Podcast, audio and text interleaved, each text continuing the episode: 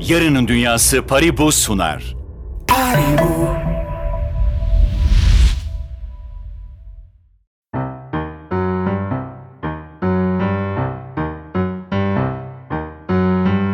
Herkese merhabalar. Bir kitap, bir film, bir şey podcast'in yeni bölümüne hoş geldiniz. Ben Eylül Görmüş, karşımda Tuğçe Arslan Uçar var. Bu bölümde hatırlamak üzerine konuşacağız, hafıza üzerine konuşacağız. Konuya girmeden önce bu bölümün destekçisi Türkiye'nin alanında öncü teknoloji şirketi ve lider kripto para işlem platformu Paribu'ya bölüme sundukları katkılardan ötürü teşekkürlerimizi iletelim. Bir de küçük duyurusu var Paribu'nun, onu da paylaşalım. Paylaşmaktan mutluluk duyduğumuz güzel bir havadis. İstanbul Modern malumunuz yeni binasında bir süredir ve Paribu'nun desteğiyle perşembe günleri 10 ve 14 saatleri arasında ücretsiz ziyaret edilebiliyor müze. Paribu ile sizin perşembeniz kapsamında müzedeki tüm güncel sergileri ücretsiz gezmenin yanı sıra ayda bir kez perşembe gününe denk gelen sanatçı atölyeleri, etkinlikler ve film gösterimlerine de ücretsiz katılabiliyorsunuz. İstanbul Modern'in güncel takviminde Paribu ile sizin perşembeniz kapsamında ücretsiz gezebileceğiniz dört farklı sergi yer alıyor şu anda. İlki Yüzen Adalar, Zamansız Meraklar bir diğer sergi, Ozan Sadıç fotoğrafçının tanıklığı bir diğer sergi, son olarak da binanın hikayesini anlatan Renzo Piano Yerin Ruhu sergileri. İstanbul Modern'in sergi ve etkinlik programı hakkında detaylı bilgi almak için web sitesini ziyaret edebilirsiniz. Böyle güzel sponsorlukları duyurmak ne kadar mutluluk verici. Evet ben de Ozan Sadıç fotoğrafçının tanıklığı sergisini çok merak ediyorum. Biliyorsun fotoğrafa sinemanın dışında ayrıca da bir özel ilgim var. Mekanın hikayesi de ilginç olacaktır bu arada. Çok güzel bir bina çünkü. Buradan da tavsiye etmiş olalım sergileri.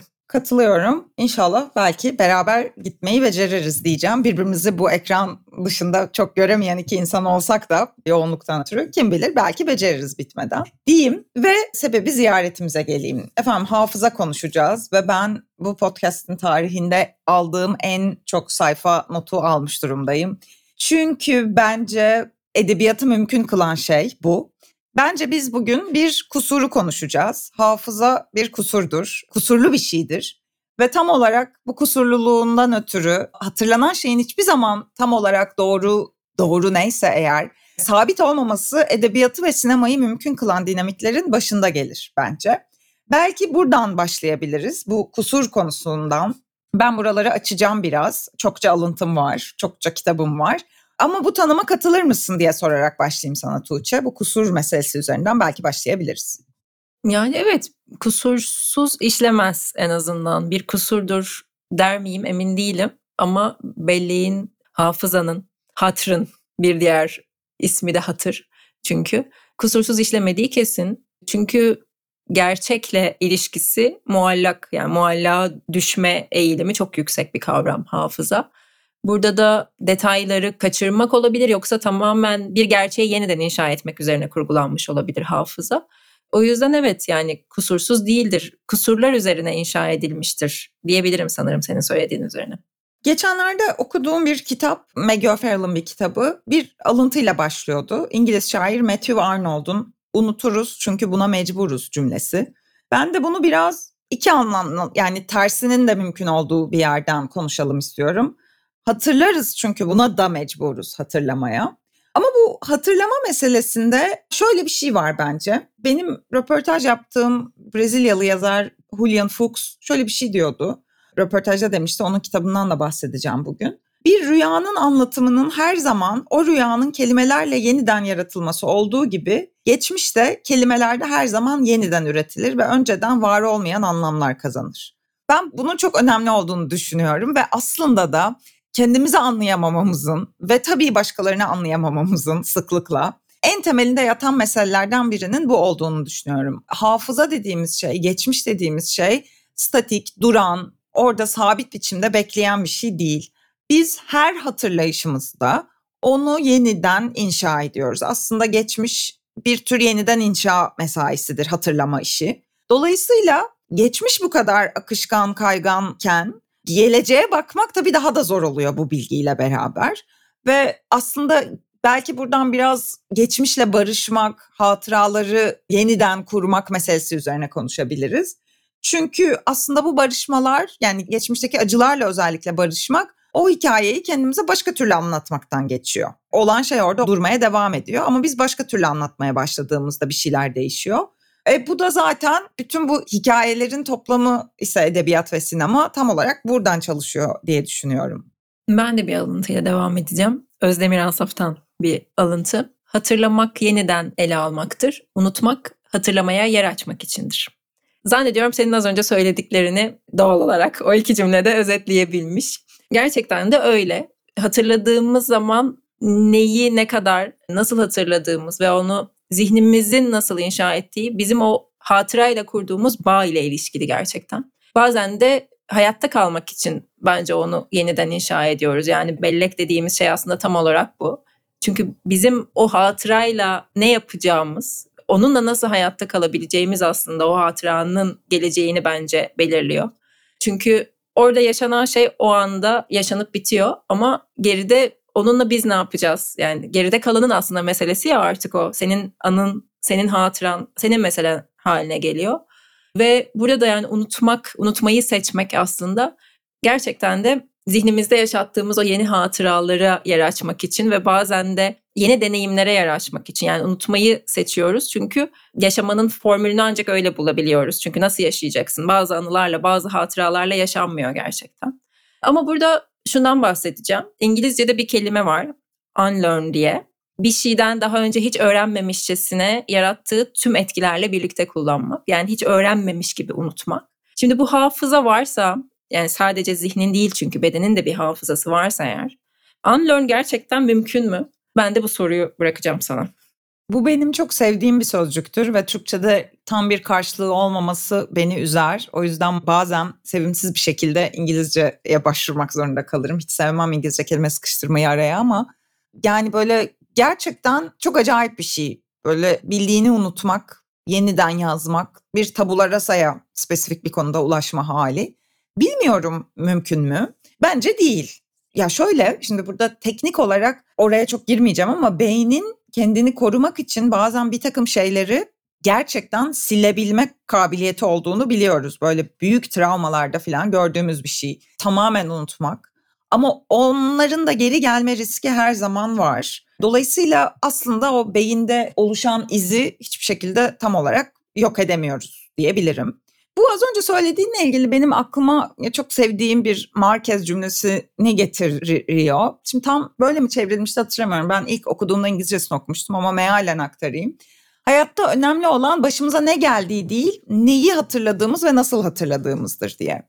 Bu benim için gerçekten çok hayat kurtaran bir cümle olmuştur hayatımın çeşitli dönemlerinde.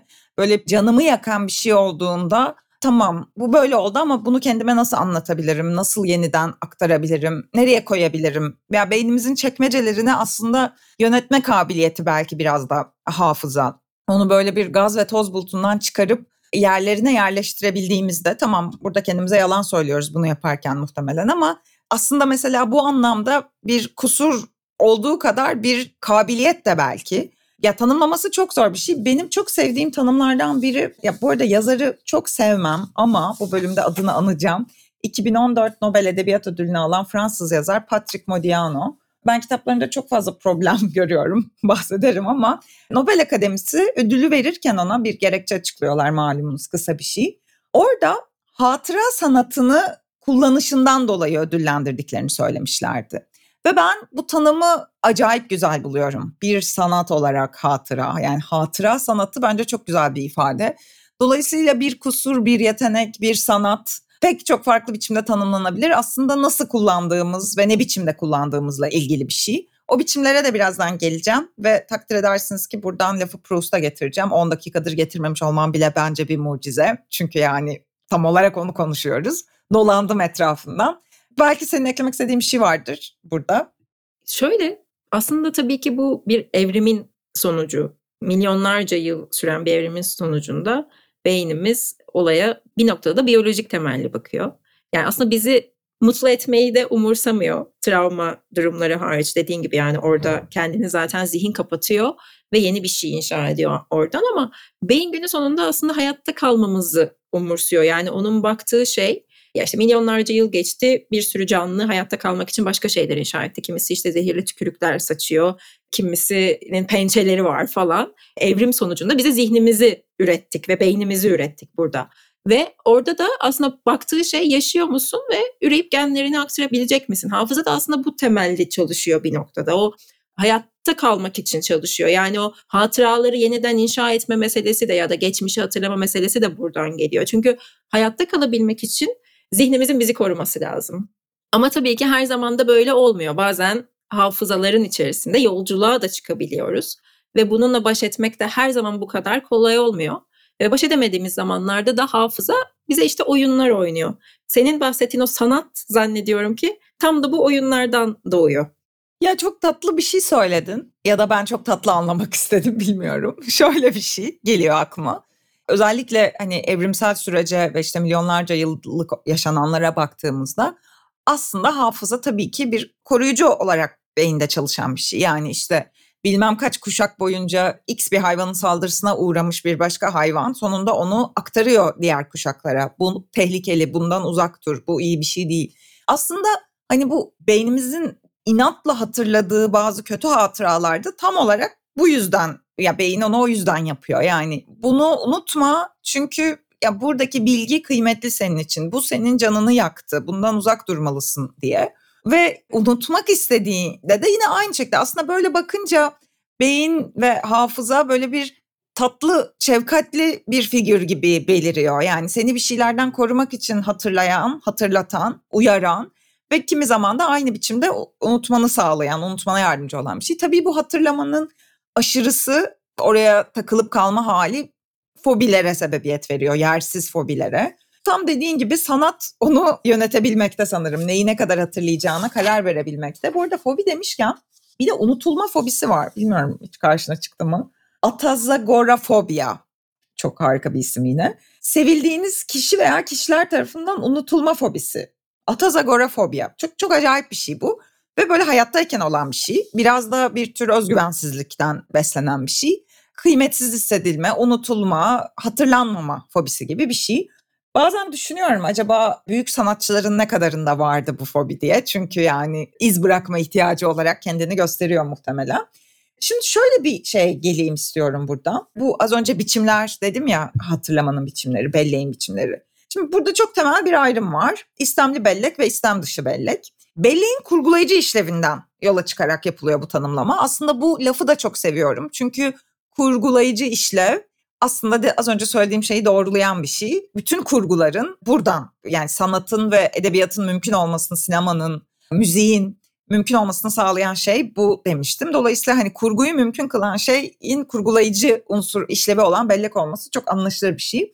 Belleğin kurgulayıcı işlevi dolayısıyla kişi geçmişini yeniden kurarak kendi anlatısını yaratıyor. Bu da baştan beri söylediğim geçmişin artık değişmeyecek bir biçimde atıl vaziyette durmadığını bize gösteren bir şey zaten. Dolayısıyla bellek gayet yaşayan ve aktif bir şey olarak anlamamız gereken bir şey. Ama belleğin bize sunacağı bütün anılara aslında perde anılar olarak bakmamız gerektiğini, geçmişi yaşandığı haliyle bize sunmaktan uzak olduğunu hatırlamamız gerekiyor. Bunlar bu arada psikolog Ilva Ostby'nin notlarından alıntı. Yani okumuyorum, aktarıyorum. Proust'a geliyorum artık burada. Proust'un bellek modelinin kalbinde kurgulanan geçmişi değil, yaşandığı haliyle geçmişi sunan istemsiz bellek var. Yani şöyle istemli bellek şöyle bir çalışan bir şey. Oturup durup bir şeyi hatırlamak yani iradeyle yaptığımız. Şu zamanı hatırlamak istiyorum, gitmek istiyorum oraya deyip kafamızı odaklanarak yaptığımız bir şey. Ve bu tabii ki buradaki irade kurgulayıcı fonksiyonunun daha aktif olduğu bir şey. Yani oturuyoruz ve tamamen ne durumda olduğumuza göre de değişen işte hep bu örneği veririm. Yani bir şeyi mutlu, keyifli bir anımızda ne bileyim böyle bir denizin karşısında hafif bir rüzgar ve gün batımıyla bir şey hatırlamakla işte trafikte giderken ve stresli bir anda hatırlamak arasında çok fark var. Ama Proust'un ki işte istem dışı bellek bütün o Madeleine hikayesinin yani bir Madeleine'in çaya batırıldığındaki kokusu ve tadı istemeden sizi gitmek istemiyor olmanıza rağmen o hatırayı hatırlamak için bir çaba göstermemenize rağmen sizi götüren şey işte istem dışı bellek. Yani duygusal çok duygusal bir bellek aslında. İslam dışı bellekte rastlantısal olarak yaşanan duygulanım şimdiki anda geçmişte yaşadığımız anların hissiyatını yaşatır diyor. Ve burada İslam dışı bellekte Deleuze diyor ki geçmiş ve şimdi iki ardışık anı değil bir arada var olan Biri şimdi olan ve hep geçen, diğeri geçmiş olan ve hep var olan ama tüm şimdilerin geçmesini sağlayan iki öğeyi ifade eder. Yani her şimdi geçmiş haline gönderme yapar.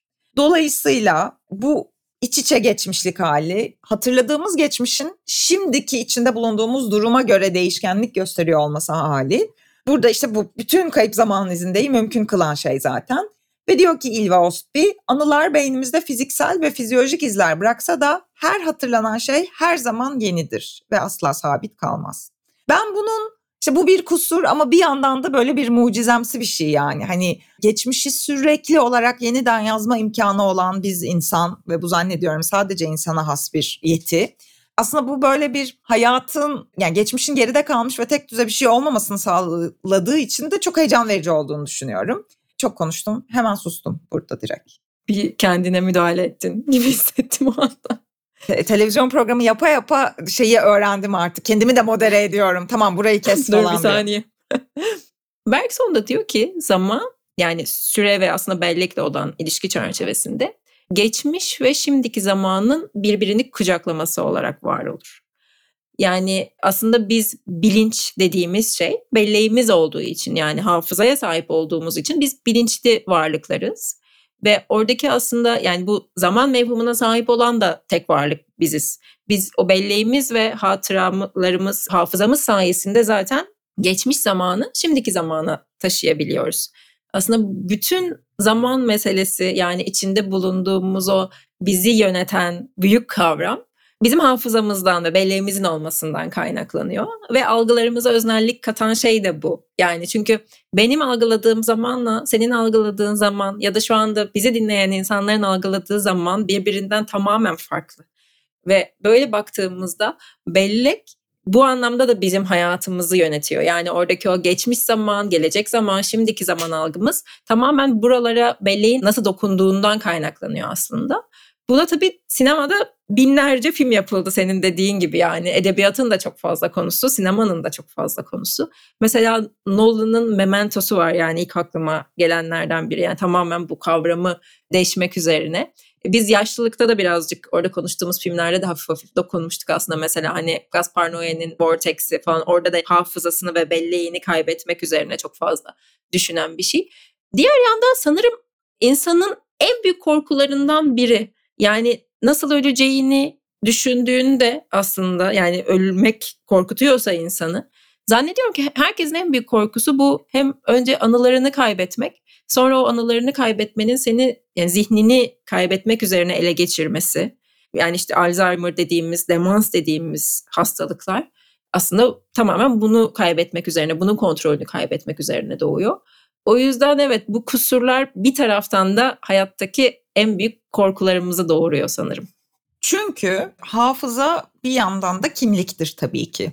Yani hafızanı kaybetmek, hatıralarını, anılarını yitirmek bir tür kimliksizleşme gibi olduğu için bundan çok korkuyoruz. Bence belki ismimizden bile daha belirleyici bir şeydir, kimliktir. O yüzden mesela burada yine Patrick Modiano'nun ben de Karanlık Dükkanlar Sokağı'na gideyim. Yani böyle en sevdiğim kitabı diyeyim ama çok sevdiğim bir kitapta değil diyeyim. Orada mesela hafızasını yitirmiş bir adamın kim olduğunu bulmaya çalışması adıyla başlayarak geçmişinin hatıralarını yeniden inşa etmeye çalışmasını bir tür böyle hafif dedektif vari polisiye gibi bir kurguyla anlatıyordu ve çok sürükleyici bir kitaptı. Şimdi bir adım geri gidip şu senin söylediğin işte öznellik meselesine gelmek istiyorum. Uzunca bir alıntı okuyacağım. Af buyurunuz ve sözü Milan Kundera'ya bırakacağım. Aman ne kadar ilginç.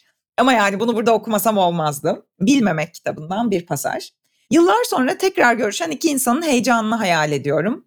Bir zamanlar sık sık görüşmüşlerdir ve bu yüzden de aynı yaşanmışlıklarla, aynı anılarla bağlı olduklarını düşünürler. Aynı anılar mı? Yanlış anlamalar burada başlar. Anıları aynı değildir. İkisi de geçmişten iki ya da üç durum hatırlamaktadır. Ama herkesinki kendinedir. Anıları birbirine benzemez, birbiriyle örtüşmez hatta nicel olarak bile birbirleriyle kıyaslanamazlar. Biri öteki hakkında onun kendisi hakkında hatırladığından çok daha fazla şey hatırlar. Önce belleğin kapasitesinin bir bireyden öteki bireye farklılık göstermesi, bu da her biri için kabul edilebilir bir açıklama olurdu yüzünden. Ama aynı zamanda ve bunu kabul etmek daha zordur, birbirleri için aynı derecede önem taşımamaları yüzünden. Şimdi bu dediğim gibi bu belleğin kusurluluğunun ve kapasitesinin farklı olmasının ve önem meselesinin ya bunun çok barışmamız gereken bir şey olduğunu düşünüyorum. Şey çok yaşanır ya özellikle romantik ilişkilerde. Nasıl hatırlamıyorsun ya filan gibi bir kavga konusudur mesela böyle bir işte hani bilmem ne yapmıştık mesela. Bilmiyorum sana daha çok oluyordur uzun geçmişinize bakınca ilişkinizin. Hani kısa ilişkilerde risk daha az ama geçmiş uzadıkça ve böyle bir alınma ve şey sebebidir. Sen beni önemsemiyorsun. Olabilir bu arada. Yani o kadar bir topyekün önemsememe hali değilse de o kadar o kadar biricik ki anla ilişkimiz ve hafıza ile ilişkimiz. Yani ben şeyi bile düşünüyorum. Yan yana oturan iki insan o kadar bambaşka duygular içinde oluyor ki yani biri mesela o gün kendini çok verimli hissettiği bir gün mesela işini yapmış, keyfi yerinde vesaire. Öbürünün kafasında bir kaygı dolaşıyor ve bambaşka iki hatırayı eş zamanlı olarak yazmakta bu iki insan. E nasıl olabilir? Yani biri mesela o, o anı çok da hatırlamak istemezken öbürü çok hatırlamak isteyecek. Dolayısıyla bunlar aslında böyle biraz barışmaz aslında da ilişkiyi, hayatı böyle hoş kılan şeyler. Yani farklı tempolarda yürüyen iki insanın adımlarını ara ara uyumlayıp ara ara uyumlayamaması ve böyle bir örümcek ağı gibi bir şey yaratıyor olmaları bu hafıza meselesiyle ilgili ve bence hoş bir şey aslında. Ben de öyle olduğunu düşünüyorum. E, bu biraz tabii ilişkide bazen bir taraf hep daha hatırlayansa böyle sorunlar çıkabiliyor ama şöyle bir şey yapsa aslında insanlar yani bu sorunu yaşayanlar en azından muhtemelen böyle çok sıradan her şeyin yolunda gittiği böyle birkaç günü böyle iki taraf farklı farklı günlüğünü tutsa yani aynı şeyi yaşıyorlarmış gibi gözüken mesela tatil gibi bir zaman yani hani öyle bir zamanda bile muhtemelen iki tarafın da çok bambaşka şeylere dikkat ettiğini ve o, o günü böyle farklı farklı yerlerinden hatırladıklarını fark edeceklerdir. E, bu da çok normal. Ben fotoğraf çekmeye benzetiyorum biraz bunu. Biz tatile gittiğimizde genelde mesela Tunca ile benim fotoğrafını çektiğimiz şeyler birbirinden çok farklı olur. Yani ben Tunca'nın benim fotoğrafımı çekmesini beklemiyorsam. Şu işim o kısmı var. Orası cepte. Onlar çekilecek. Onun dışındakilerden bahsediyorum.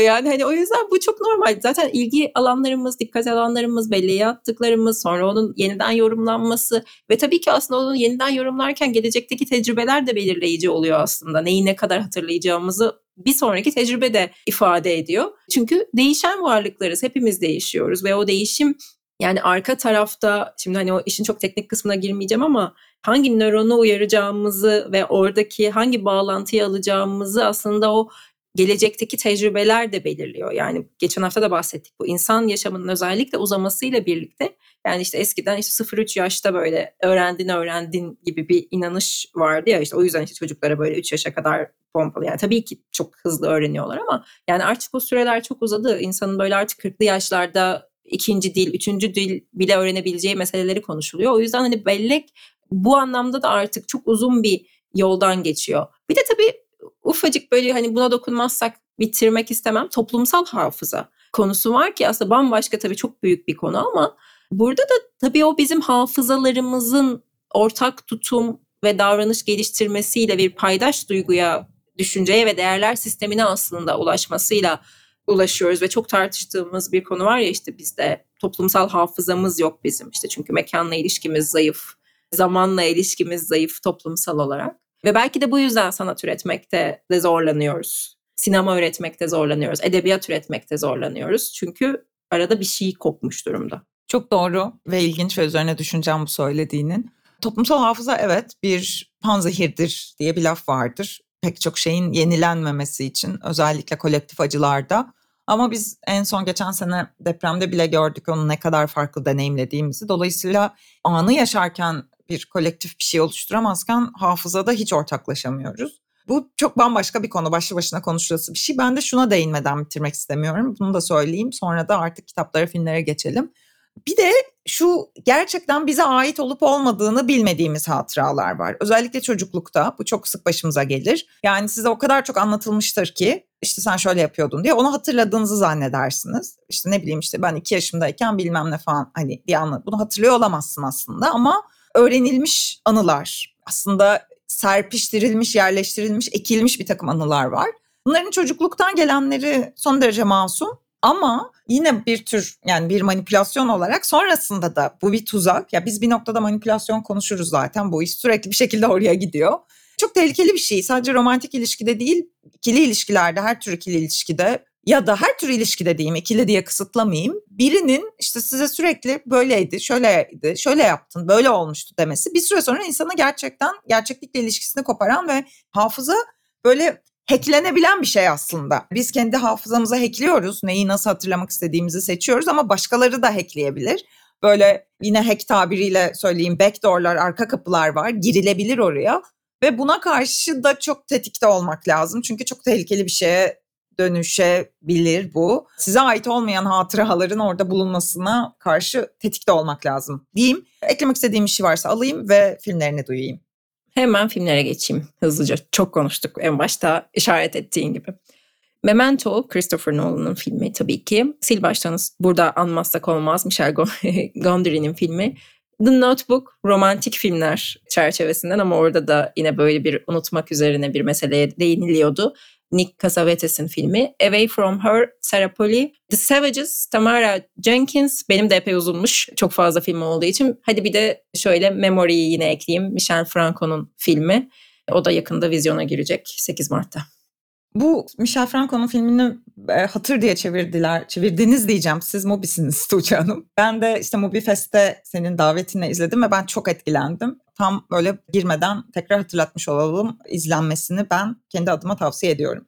Kitaplarıma geleyim. Çok fazla kitabım var benim de. İlk önce söylediğim William Fuchs'un Direniş kitabı. Bu bir aynı zamanda bir sürgün hikayesi ama geri dönüp hatırlama ve işte bu az önce bahsettiğim yani kendi hatıralarımı ailemin bana anlattığı, belleğim onlar tarafından mı şekillenmişti sorusuna çok bakan, ayrıca toplumsal hafızaya da bakan bir siyasi tarafı da olan bir roman. Direniş bence müthiş bir kitap. Ben çok severek okumuştum. Burada tabii ki senin de çok sevdiğin Agota Christoph'un Büyük Defter Kanıt 3. yalanını almak lazım. O da hem belleğin nasıl çalıştığına dair e, bir kitap hem de okurun belleğiyle inanılmaz oynayan bir kitap bu anlamda bence mutlaka burada bulunması gerekiyor.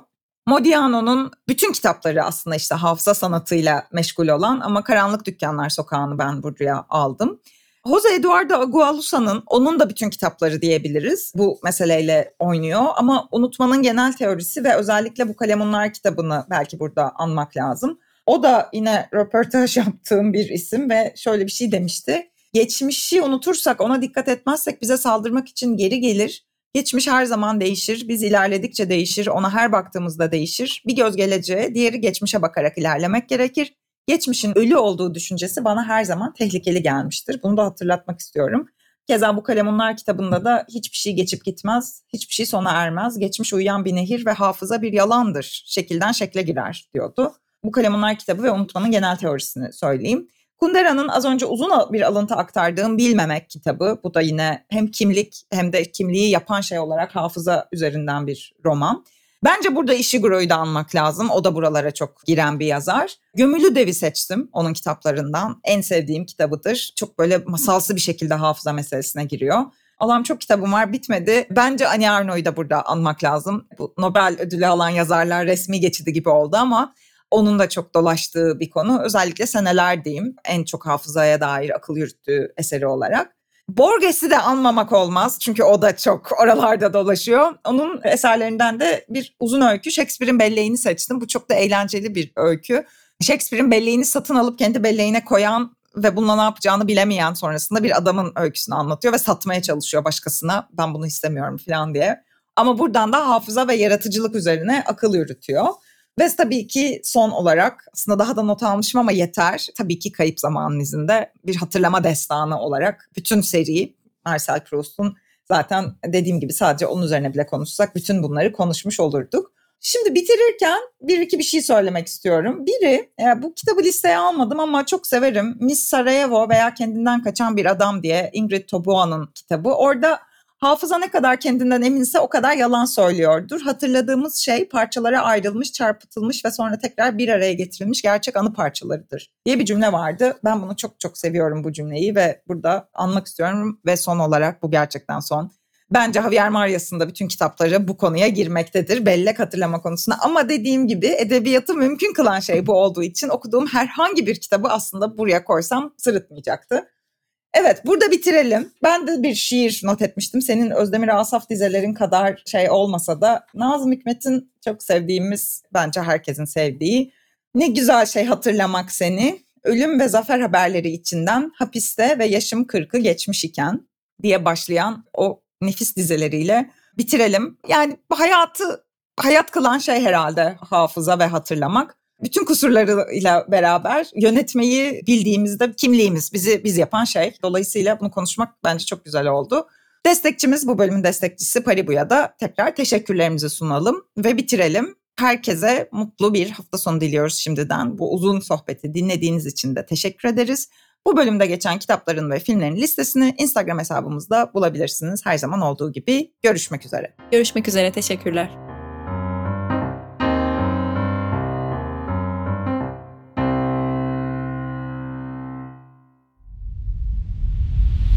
Yarının Dünyası Paribu sundu. Paribu.